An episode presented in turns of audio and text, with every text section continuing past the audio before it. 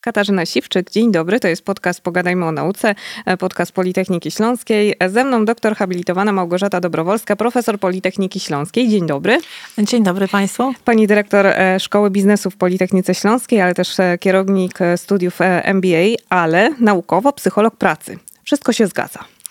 Y, no, uzupełniłabym może, że y, rzeczywiście jakoś tak y, w sposób taki naturalny te dwie dyscypliny, czyli psychologia, ta ukierunkowana na psychologię pracy, organizacji, bo tak ta specjalność u nas się zwie, ale też i druga dyscyplina jak zarządzanie, szczególnie ta miękka związana z takimi HR-owymi aspektami, to jest coś, czym najbardziej lubię się zajmować i to jest taki faktyczny obszar moich zainteresowań i naukowych, ale też i praktycznych. Skoro o pracy będzie mowa, jesteśmy tak trochę jedną nogą na urlopie, bo to sezon wakacyjny za chwilę.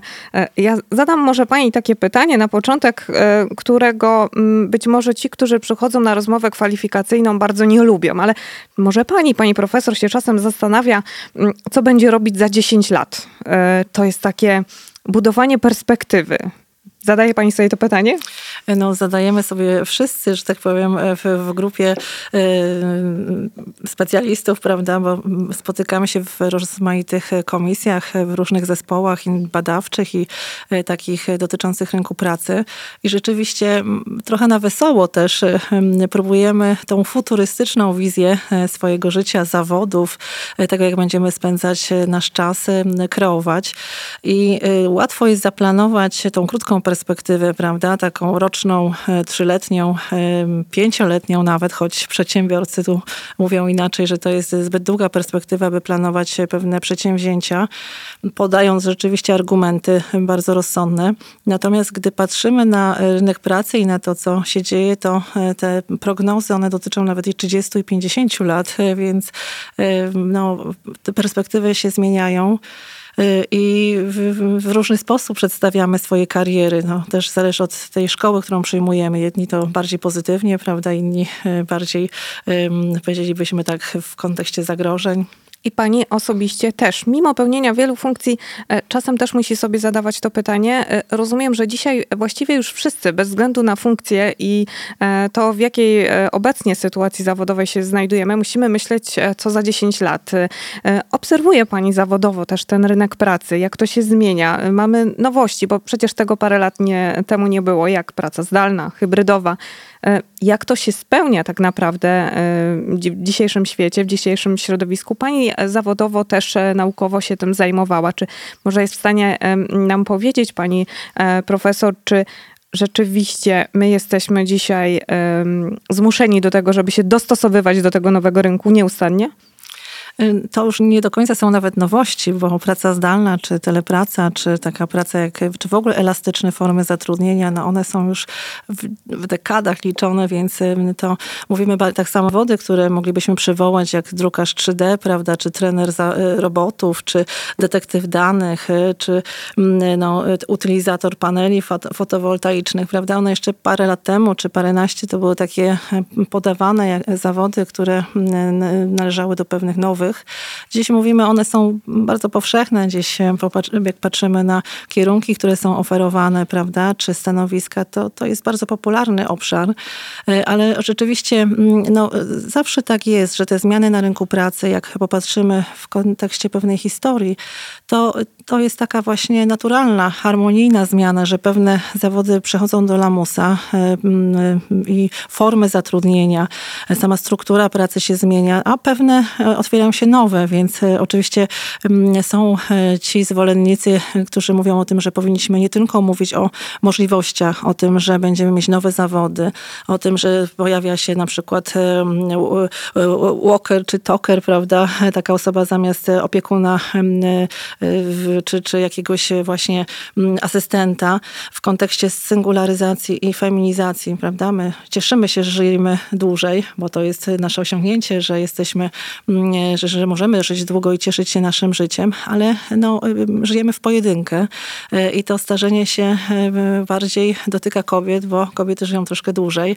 W związku z tym potrzebujemy też i takie zawody, które nie tylko uzupełnią nas w tej takiej twardej karierze, o której często mówimy, ale też w takim życiu mm, społecznym, którego, no, które nie zawsze analizujemy, prawda, albo nie bierzemy pod e, uwagę tak bezpośrednio, więc rzeczywiście szereg różnych nowych zawodów, e, takich e, jak technik opieki zdrowotnej, na przykład wspomagany przez sztuczną inteligencję, czy dyrektor portfolio genomicznego, czy właśnie szerb sklepu internetowego, prawda, czy jakiś instruktor podróży w rzeczywistościach poszerzonych. To są takie stanowiska, które no, wydają się czasem dziwaczne, różnie na to reagujemy, ale one się coraz częściej pojawiają w tak zwanych barometrach zawodów, czyli w takich faktycznych prognozach krótkoterminowych, tak, w których po prostu obserwować będziemy nowe stanowiska, nowe obszary do pracy e, i e, to nie jest tak, że zniknie praca i nie pojawi się nic innego. To chciałam e, przede wszystkim podkreślić, bo wiele mamy różnych takich niepokojów z tym związanych.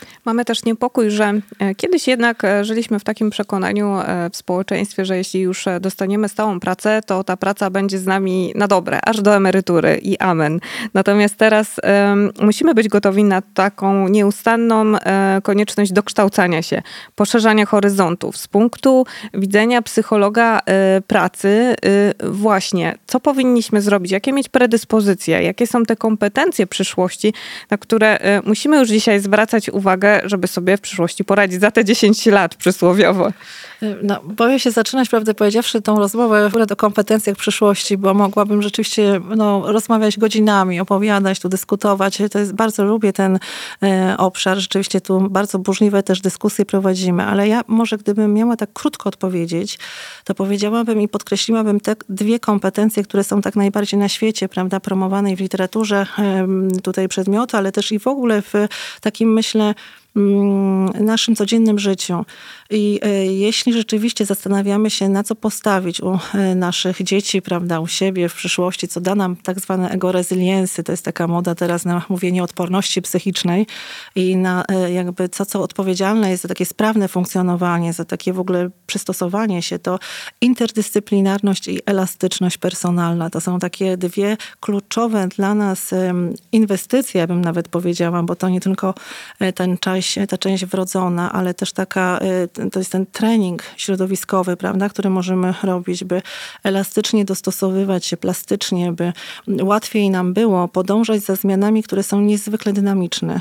My ciągle coś zmieniamy, prawda, i to widać na każdym, w każdym obszarze, w każdym zawodzie, tak to widać na, to widać na uczelniach, które były bardziej, mm, mniej dynamiczne co do zasady, prawda, te publiczne uczelnie, mówiliśmy, że e, tutaj świat troszkę wolniej płynął, no, gdy popatrzymy na nasz codzienny, e, na naszą codzienność, no to wcale tak nie jest. Nie? My też dynamicznie pędzimy bardzo szybko. Mm, te zmiany mm, wszędzie nas dotykają. Jest to nie tylko taka produkcja to nie tylko te zaawansowane usługi, ale też i takie obszary, które są e, tak naprawdę w każdym z tych sektorów, o których mówimy, prawda? W prywatnym, w publicznym, w społecznym. Wszędzie są bardzo szybkie, dynamiczne zmiany. A interdyscyplinarność e, to jest e, taka mm, kompetencja, która pozwala nam na właśnie zajmowanie się różnymi obszarami, prawda?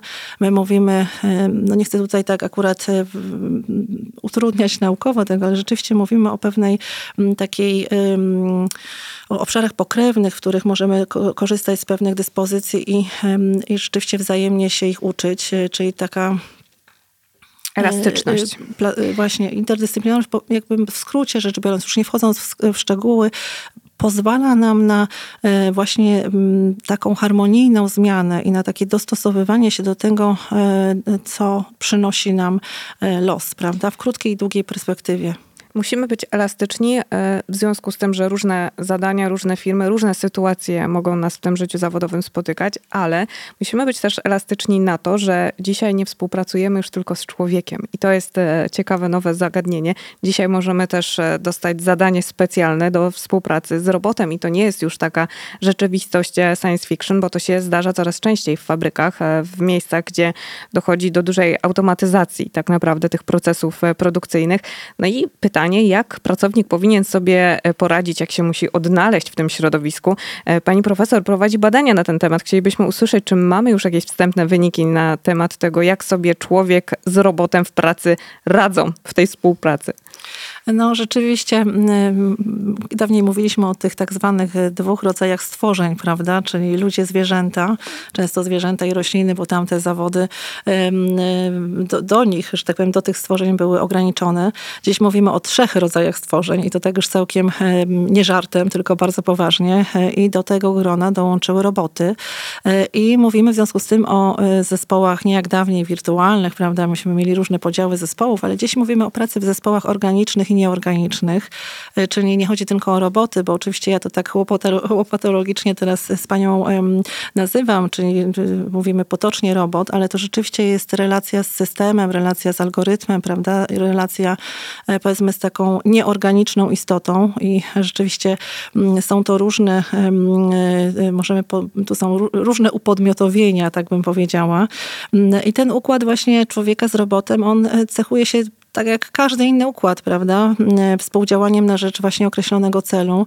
E, I te same elementy, powiedzielibyśmy, czy bardzo podobne, obserwujemy jako badacze, prawda, w relacji z człowiekiem, w relacji z, z zwierzęciem, kiedy wykonujemy zawody i e, czy pracę, prawda, i w relacji z robotem. My też nadajemy często imię, prawda, klepiemy po tych metalicznych, poklepujemy po tych metalicznych elementach, prawda, wykonujemy takie naturalne gesty, bo to nie jest tylko kobot, tylko to jest też trochę kolega w naszej pracy e, i też się z mu zwierzamy, e, też z nim dyskutujemy. Mm, także e, szereg różnych takich zachowań typowo pracowniczych obserwujemy w tych zespołach w ogóle co do zasady, niezależnie od tego, kto jest z nami w relacji albo co Uczłowieczamy jest. trochę tego robota, z tego rozumiem? Uczłowieczamy bardzo i to, co obserwujemy, no, są różne szkoły, bo to też troszkę upraszczam, ale rzeczywiście to widać w przypadku projektowania samego jakby samych zasad projektowych, jeśli chodzi o tworzenie roboty, prawda? Jedna szkoła mówi właśnie nie, nie, nie twórzmy na, na wzór humanoidalnych robotów, żeby człowiek miał łatwiej w takim e, oddzieleniu e, tych dwóch światów, że to jest jednak maszyna, prawda? Czyli twórzmy roboty tak, by wyglądały jak maszyny, a nie jak ludzie. Natomiast ta druga szkoła mówi o tym właśnie nie. Budujmy, czy projektujmy tak roboty, żeby można było mieć tą twarz, prawda, że można się było do nich e, uśmiechnąć, żeby one były też troszkę takim, taką istotą, z którą my się e, przyjaźnimy. I oczywiście jak popatrzymy na różne filmy, chociażby e, takie powiedzielibyśmy lekko science fiction, to mm, większość z nich jest właśnie na wzór człowieka. A też jeśli popatrzymy na roboty, które obserwujemy, prawda, które analizujemy, Sofię, no nie chcę ich tu wszystkich wymieniać, ale one wszystkie mają taki element mocno wizualny, jeśli chodzi o, o, o, o człowieka i nie ma w tym nic złego, prawda? My zajmujemy się ergonomią, my dopasowujemy tak nasze e, maszyny, żeby one były dla nas po prostu korzystne też w pracy, jeśli chodzi o wykonywanie czynności, były zgodne z naszymi gabarytami, z tym, jak przekazujemy sobie czynności, żeby ta praca z kobotem była jak najbardziej harmonijna. Mówimy raczej o tym, że widzimy w tym plusy. E, próbujemy tak zorganizować tę współpracę, żeby ona przynosiła raczej korzyści. Natomiast czy istnieją też jakieś zagrożenia? Państwo już to może zauważyli, że taka praca z robotem nie jest dla wszystkich. Mm, to znaczy, mm, tak może bym nie postawiła tej tezy, że nie dla wszystkich. Ona nie jest może dla wszystkich od razu, prawda? Myśmy rzeczywiście prowadziliśmy, czy prowadzimy dalej takie badania, które, mm, badania porównawcze dotyczące właśnie takich aspektów. Myśmy stworzyliśmy takie trzy, mówiąc w skrócie, pakiety. Pakiet HR bez frustracji, nazwaliśmy, że, że tak powiem, ten pierwszy. I po to, żeby zobaczyć, na ile w tych różnych krajach, prawda, w zależności od tego procentu automatyzacji, bo oczywiście mm, fabryki, mówiąc też tak całkiem prosto, one e, jedne są bardziej zautomatyzowane, prawda, czyli ten tak zwany przemysł 4.0, on jest w bardziej zaawansowanej e, formule i można obserwować, e, prawda, no skrajna to te tak zwane black factory, te, te fabryki, w których jest prawie, że no, jest niewielu ludzi, że tak powiem, ten czynnik ludzki jest zredukowany niemalże do zera, ale w większości jeszcze jesteśmy ciągle na tym etapie, gdzie e, no, ta automatyzacja jest powiedzmy w jakimś tam procencie, 40%, prawda, 60%, w zależności od tego, jakich mamy, jaką przyjmujemy metodologię do analizy tego. Natomiast wszędzie zauważyliśmy, że jest po prostu taka, że ten poziom, myśmy nazwali to poziomy mentalne do wdrażania rozwiązań 4.0, czyli że ten przepływ, czy ta zmiana postawy, jeśli chodzi o taki, tę relację z robotami, czy relację w ogóle z, z nowymi technologiami, prawda, ona zazwyczaj jest od tak zwanego, takiej, do takich kryteriów, które nazwaliśmy niechęci, bo to jest ten skrajny, taki najbardziej taki, no, powiedzielibyśmy, że to są ci, którzy sabotażują, prawda, nie chcą, nie lubią, boją się, mają różne takie obawy, czas, często oczywiście nie, nie, nieadekwatne do tego, co się dzieje w ich miejscach pracy, ale bardzo szybko rzeczywiście przechodzą w kolejną fazę, która jest związana z taką lekką obawą i nie, niepewnością i potem w taką tak zwaną obojętność. No i kolejnym jest pewne zaciekawienie, prawda? Ostatnia z tych faz jest właśnie taka pełna mm, postawa pełnej gotowości, więc to y, ten stosunek on się zmienia y, w, y, też w, no, w relacji, prawda, którą, czyli w odstępach czasu, jak badamy mm, proces przystosowania i nabywania różnych umiejętności, to rzeczywiście trudno powiedzieć, że praca z robotem nie jest dla wszystkich. No, z pewnością wszystkie zawody nie są dla wszystkich, tak byśmy mogli powiedzieć w ogóle, prawda? Czyli nie każdy będzie dobrym psychologiem, nie każdy będzie dobrym redaktorem, prawda? Nie każdy będzie dobrym inżynierem, i tak dalej. No, oczywiście, że mamy pewne predyspozycje, czyli to, czego nie widać, prawda, bardzo często do, i nie wiemy o tym, że to mamy, bo to są te tak zwane cechy ukryte, ale też mamy pewne dyspozycje do tego, żeby pewne rzeczy wykonywać. Ale raczej idziemy w kierunku takim, że każdy powinien być na to gotowy, bo w którymś momencie naszego e, życia zawodowego może się to zdarzyć, że po drugiej stronie zamiast kolegi będzie automat, maszyna, robot, e, w różny sposób możemy to nazwać. I uczyć się takiej współpracy jednak należy. E, I teraz e, podążam tak małymi kroczkami też e, do tego, żeby powiedzieć o tym, gdzie takich umiejętności powinno się uczyć. Czy to już na etapie bycia dzisiaj młodym człowiekiem, na etapie edukacji takiej szkolnej, czy to właśnie w szkołach podstawowych powinno się już uświadamiać, że dzisiaj żyjemy w społeczeństwie nie tylko człowiek-człowiek, ale człowiek-maszyna-robot. Czy też powinniśmy dopiero tego uczyć na poziomie na przykład osób, które rzeczywiście się z tym będą stykać. Poziom prezesów, poziom szefów firm. Jak widzi to pani, pani e, psycholog i pani dyrektor szkoły e, biznesu tak naprawdę, bo y, my tutaj na Politechnice Śląskiej możemy już taką wiedzę przekazywać dalej. Który moment jest dobry? Y, no, mówi się o tym, że wszyscy, którzy się rodzą teraz, prawda, rodzą się już z telefonem w ręku, więc to taka... Więc oni się nie boją. To taka po prostu troszkę metafora, ale y, no, taka, która pokazuje, prawda, że rzeczywiście y, to jest tak, że nam jest łatwiej rozwojowo, prawda, wtedy, kiedy jesteśmy młodymi osobami, w naturalny sposób nabywamy pewnych umiejętności korzystania z technologii i to jest taki naturalny proces. Często są też ci młodzi ludzie za to krytykowani, prawda, że siedzą za bardzo właśnie w w tych aplikacjach, w, w, y, no, komunikują się zamiast bezpośrednio dialogować, prawda, w, y, to, to, to, to dialogują poprzez media społecznościowe. Y, no i trochę tu ich zawsze bronię, prawda, bo to jest po prostu taki też nowy, nowa forma. Ona jest dla nas nowa, bo jesteśmy starsi, nie mieliśmy tych, tych formuł wcześniej i, i dlatego one no, tutaj nam się wydają takie niekorzystne.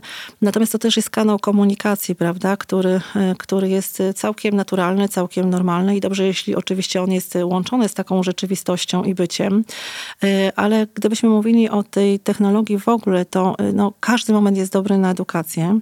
Ja bym powiedziała nawet kontrowersyjnie tak, że rzeczywiście, jeśli chodzi o edukację, to również mamy pewne futurystyczne prognozy, że zniknie ta edukacja długoterminowa, prawda, te pięcioletnie studia, już mamy ten system 2 plus 3, nawet trzyletnia, ze względu na zmiany tak te, te bardzo szybkie zmiany postępu społecznego i technologicznego, mm, to mm, skupimy się głównie na tych studiach właśnie podyplomowych, krótkich, takich rocznych, dwuletnich y, i na kształceniu ustawicznym, które no, w, w tej przyszłości ma być osiągnąć sukces.